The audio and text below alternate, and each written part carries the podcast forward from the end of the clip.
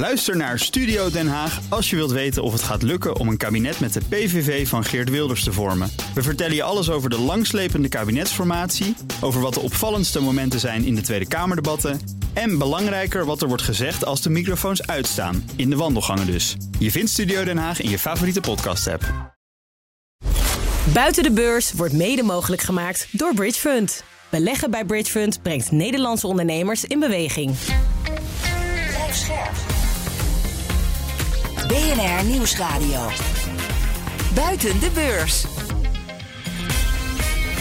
Wesley Weerts, Jelle Maasbach. Welkom, welkom. Fijn dat je ook in het weekend naar ons luistert. De beurzen zijn dicht, maar onze microfoons staan wel open. Perfect dus om een kijkje te nemen buiten de beurs. Iedere zaterdag schijnen we ons licht op een bedrijf dat zich bewust niet aan de gillen van de AX of sectorgenoten waagt. Dit keer een bedrijf uit Eindhoven waar zelfs Elon Musk in gelooft. Ik heb het over Carbion. En bij ons is de oprichter en CEO Hans de Neve. Welkom. Jawel. Ja, meneer De Neven, al onze gasten die krijgen 30 seconden om aan ons uit te leggen wat hun bedrijf nou precies doet. Nou, we pakken de stopwatch erbij. Begint u maar. Nou, wij ontwikkelen een machine om CO2 uit de atmosfeer te filteren. Dus wij willen eigenlijk op een kosteneffectieve manier uh, heel veel lucht filteren, de CO2 eruit halen. En met die CO2 kan je vervolgens uh, chemicaliën maken, groene chemicaliën of groene brandstoffen voor de luchtvaart. Of je kan het natuurlijk ook ondergronds opslaan om die definitief uit de atmosfeer te, te, laten. En op die manier kunnen we de energietransitie aandrijven en kunnen we natuurlijk ook de vervuiling van CO2 van de afgelopen 100 jaar teniet doen. Ja, mooie uitvinding. In feite maakt u dus een soort ja, CO2-stofzuiger, zoals ik dat zo mag zeggen. Hoeveel CO2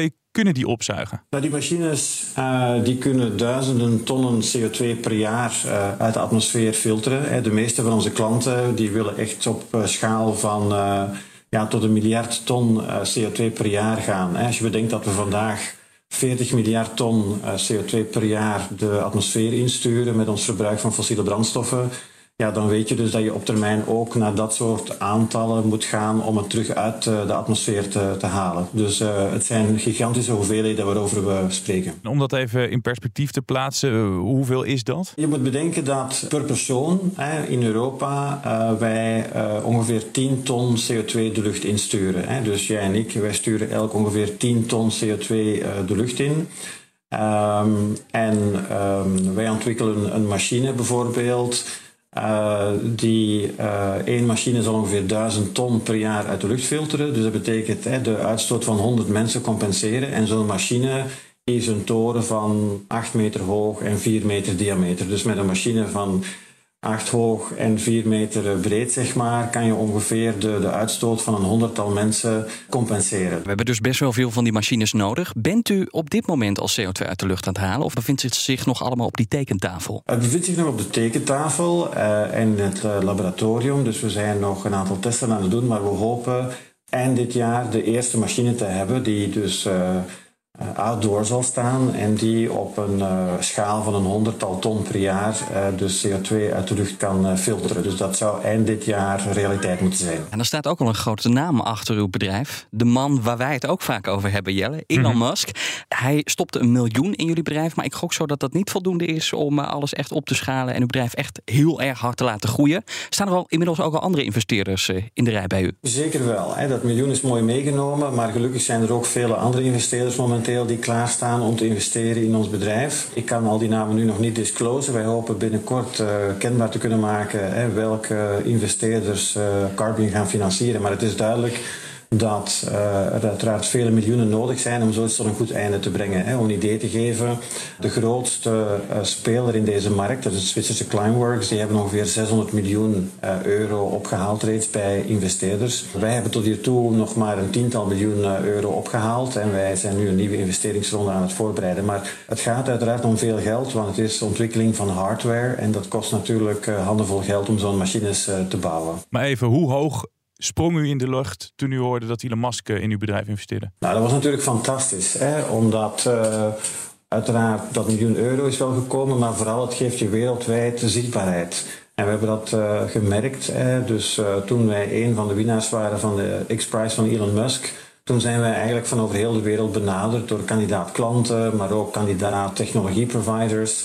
Uh, en ook kandidaat-investeerders. Uh, zonder die X-Prize en zonder de zichtbaarheid die de X-Prize meebracht, zouden wij nooit bij de juiste investeerders zijn kunnen komen. Dus uh, eigenlijk kan het belang niet overschat worden, zeg maar. Maar toch, Elon Musk en die andere investeerders die willen garantie op hun investering. Hoe weet je of een bedrijf van de grond gaat komen als er nog geen markt voor is? Wel, die markt is er wel. Hè. Er is eigenlijk een enorme marktvraag. We zitten in een situatie waarin de markt het heel graag wil. Uh, maar er is geen enkel bedrijf die in staat is om aan die markt te bieden wat die markt wil. Uh, dus de markt is gefrustreerd zeg maar, over het feit dat uh, bedrijven en de technologie niet ver genoeg staan. en dat is een van de redenen trouwens waarom Musk in beeld is gekomen. Hij heeft gezegd van kijk, er is duidelijk een markt voor, maar de technologie is niet klaar. Dus moeten we een incentive geven hè, om meer ideeën, meer mensen, meer bedrijven te laten nadenken over betere technologie. Maar die markt die is er wel hè, en dat is een goede zaak, want investeerders willen natuurlijk dat er een markt is. En dan moeten investeerders natuurlijk gaan kijken van oké, wie zal als eerste in staat zijn om te maken wat de markt wil. En de markt wil een product natuurlijk dat kosteneffectief is, dat minder kost dan 100 dollar per ton CO2. Nou, niemand vooralsnog in de wereld is erin geslaagd om dat te maken. En wij hopen natuurlijk een van de eerste bedrijven te zijn die dat wel kan maken. Hoe dicht komt u in de buurt van die 100 dollar? Nou, wij zitten nu rond de 200 dollar, denk ik, met de huidige stand van onze technologie. En je moet bedenken hè, dat, uh, dat we komen van 1000 dollar en meer. Dus we zitten nu aan 200 dollar, dus nog een factor 2 te gaan. Maar dat lijkt wel haalbaar. Hè, met uh, wat we vandaag weten over de technologie en over waar we staan en hoe dat zal evolueren dan lijkt die 100 dollar wel uh, within reach, uh, zeg maar. Ja. Hoeveel tijd en geld heeft u daar nog voor nodig? Nou, ik denk toch dat we daar nog, om aan die 100 dollar te komen, toch nog wel twee, drie jaar nodig hebben. Uh, en wellicht nog iets tussen de 25 en de 50 miljoen dollar aan ontwikkeling uh, van uh, materialen en, en technologie voordat we daar zijn. Dus nog best een substantiële weg te gaan, zeker wel. Ja, en uh, Tesla ging naar de beurs, SpaceX ging naar de beurs. Wanneer gaat uh, Carbon uh, naar de beurs? Nou, hele goede vraag. Hè. Ik denk een beursgang is zeker een van de mogelijkheden. Ik denk dat dat iets is dat we natuurlijk samen met onze aandeelhouders en kandidaat-investeerders verder bespreken. maar een, een beursgang is zeker niet uitgesloten, maar is wellicht aan de orde zodra dat dat de technologie voldoende bewezen is. Um, dus vandaag zijn er nog iets te veel risico's uh, rond die technologie om echt een, beursgang uh, uh, een kans te, te, geven. Maar op termijn is zo'n beursgang absoluut niet uitgesloten. Vindt u het niet spannend om u over te geven de gillen van de beurs? Kijk bijvoorbeeld naar andere duurzame groene bedrijven. Een tijdje terug waren beleggers een soort van verliefd op die aandelen. En nu laten ze die aandelen als een baksteen vallen. Kan ook met u gebeuren zodra u beursgenoteerd bent. Kijk, je moet natuurlijk het vertrouwen van de investeerders behouden. Dat, dat spreekt. Ehm, en dat vertrouwen van investeerders, of het nou eh, particuliere investeerders zijn of eh, structurele grote investeerders, dat staat natuurlijk of valt met kunnen we effectief die technologie kosteneffectief eh, maken. Um, dus ik denk dat hè, of je nou met venture capital fondsen werkt of uh, met een, een, een, beursgang werkt, in beide gevallen komt het erop neer van je beloftes waar te kunnen maken. Uh, je schetst een toekomstbeeld. Hè. Op basis van het toekomstbeeld gaan investeerders investeren in jouw bedrijf. En dan is het aan jou natuurlijk, uh, aan het bedrijf, om dat toekomstbeeld ook realiteit te maken. En als je daar niet in slaagt, ja, dan zal je worden afgestraft. Maar of je nou dat via de beurs doet of via venture capital fondsen, in C blijft dat dezelfde uitdaging. Je moet je beloftes kunnen nakomen. En zou Elon Musk het goed vinden als die beursgang gewoon hier lekker in Nederland plaatsvindt? Op de Amsterdamse beurzen wordt het dan toch de Nasdaq? Oh, ik denk dat uh, Elon daar uh, geen mening over heeft. Of althans, uh, dat miljoen dat we van hem gekregen hebben, dat was onvoorwaardelijk. Hè? Dus dat is een miljoen, een soort ja, grant als je het wilt. Daar zijn geen voorwaarden aan verbonden. Dus uh, wij kunnen wat dat betreft perfect via de beurs van Amsterdam gaan. Er is geen enkele verplichting om dat via een Amerikaanse beurs uh, te doen. Ik heb nog één gewetensvraag voor u, want u maakt natuurlijk een techniek waarmee u CO2 uit de lucht haalt. Bent u niet bang dat die bedrijven die uw techniek gaan gebruiken het als excuus uh, gebruiken om toch gewoon CO2 te blijven uitstoten? Ja, dat is zeker een risico. Hè? Maar daarom ook dat wij willen dat deze technologie vooral wordt ingezet om Um, bijvoorbeeld hernieuwbare brandstoffen en hernieuwbare chemicaliën uh, te, te, te, produceren, die de fossiele chemicaliën en de fossiele brandstoffen uit de markt zullen prijzen. het is net dankzij deze technologie dat we zullen kunnen stoppen met het gebruik van fossiele brandstoffen, omdat het gebruik van fossiele brandstoffen duurder zal uitvallen dan het gebruik van uh, hernieuwbare brandstoffen of hernieuwbare koolstof. Hè. Want in C wat wij doen is CO2 uit lucht filteren en je kan het dus gebruiken om het ondergrond op te slaan, maar je kan het ook gebruiken om het op een hernieuwbare manier, op een circulaire manier te gebruiken. En het circulaire gebruik van koolstof hè, zal op termijn goedkoper blijken dan het gebruik van fossiele koolstof. Want dat is uiteindelijk wat we doen. Door olie en gas op te pompen gebruiken we fossiele koolstof die miljoenen jaren geleden uh, op natuurlijke wijze in de ondergrond is beland.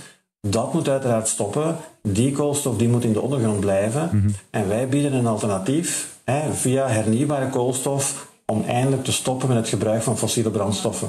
Dank, Hans Neven, CEO van Carbion. Nu nog buiten de beurs, maar misschien dus binnenkort op de beurs te vinden. En namens ons tweeën doe Elon Musk de groeten als u hem Dat zal ik zeker doen, als ik hem zie. Maandag zijn wij er natuurlijk weer. En dan begeven we ons wel weer op de beurs. Want dan gaan we weer een spiksplinternieuwe aflevering van BNR Beurs. Tot dan. Tot maandag. Buiten de beurs wordt mede mogelijk gemaakt door Bridge Fund. Beleggen bij Bridge Fund brengt Nederlandse ondernemers in beweging. Ook Liesbeth Staats vind je in de BNR-app. Ja, heel handig. Luister live naar Kees en mij tijdens de Daily Move. Dan blijf je ook gelijk op de hoogte van breaking news en het laatste zakelijke nieuws. En daar vind je ook alle BNR-podcasts, waaronder de Perestrooikast. Download nu de gratis BNR-app en blijf scherp.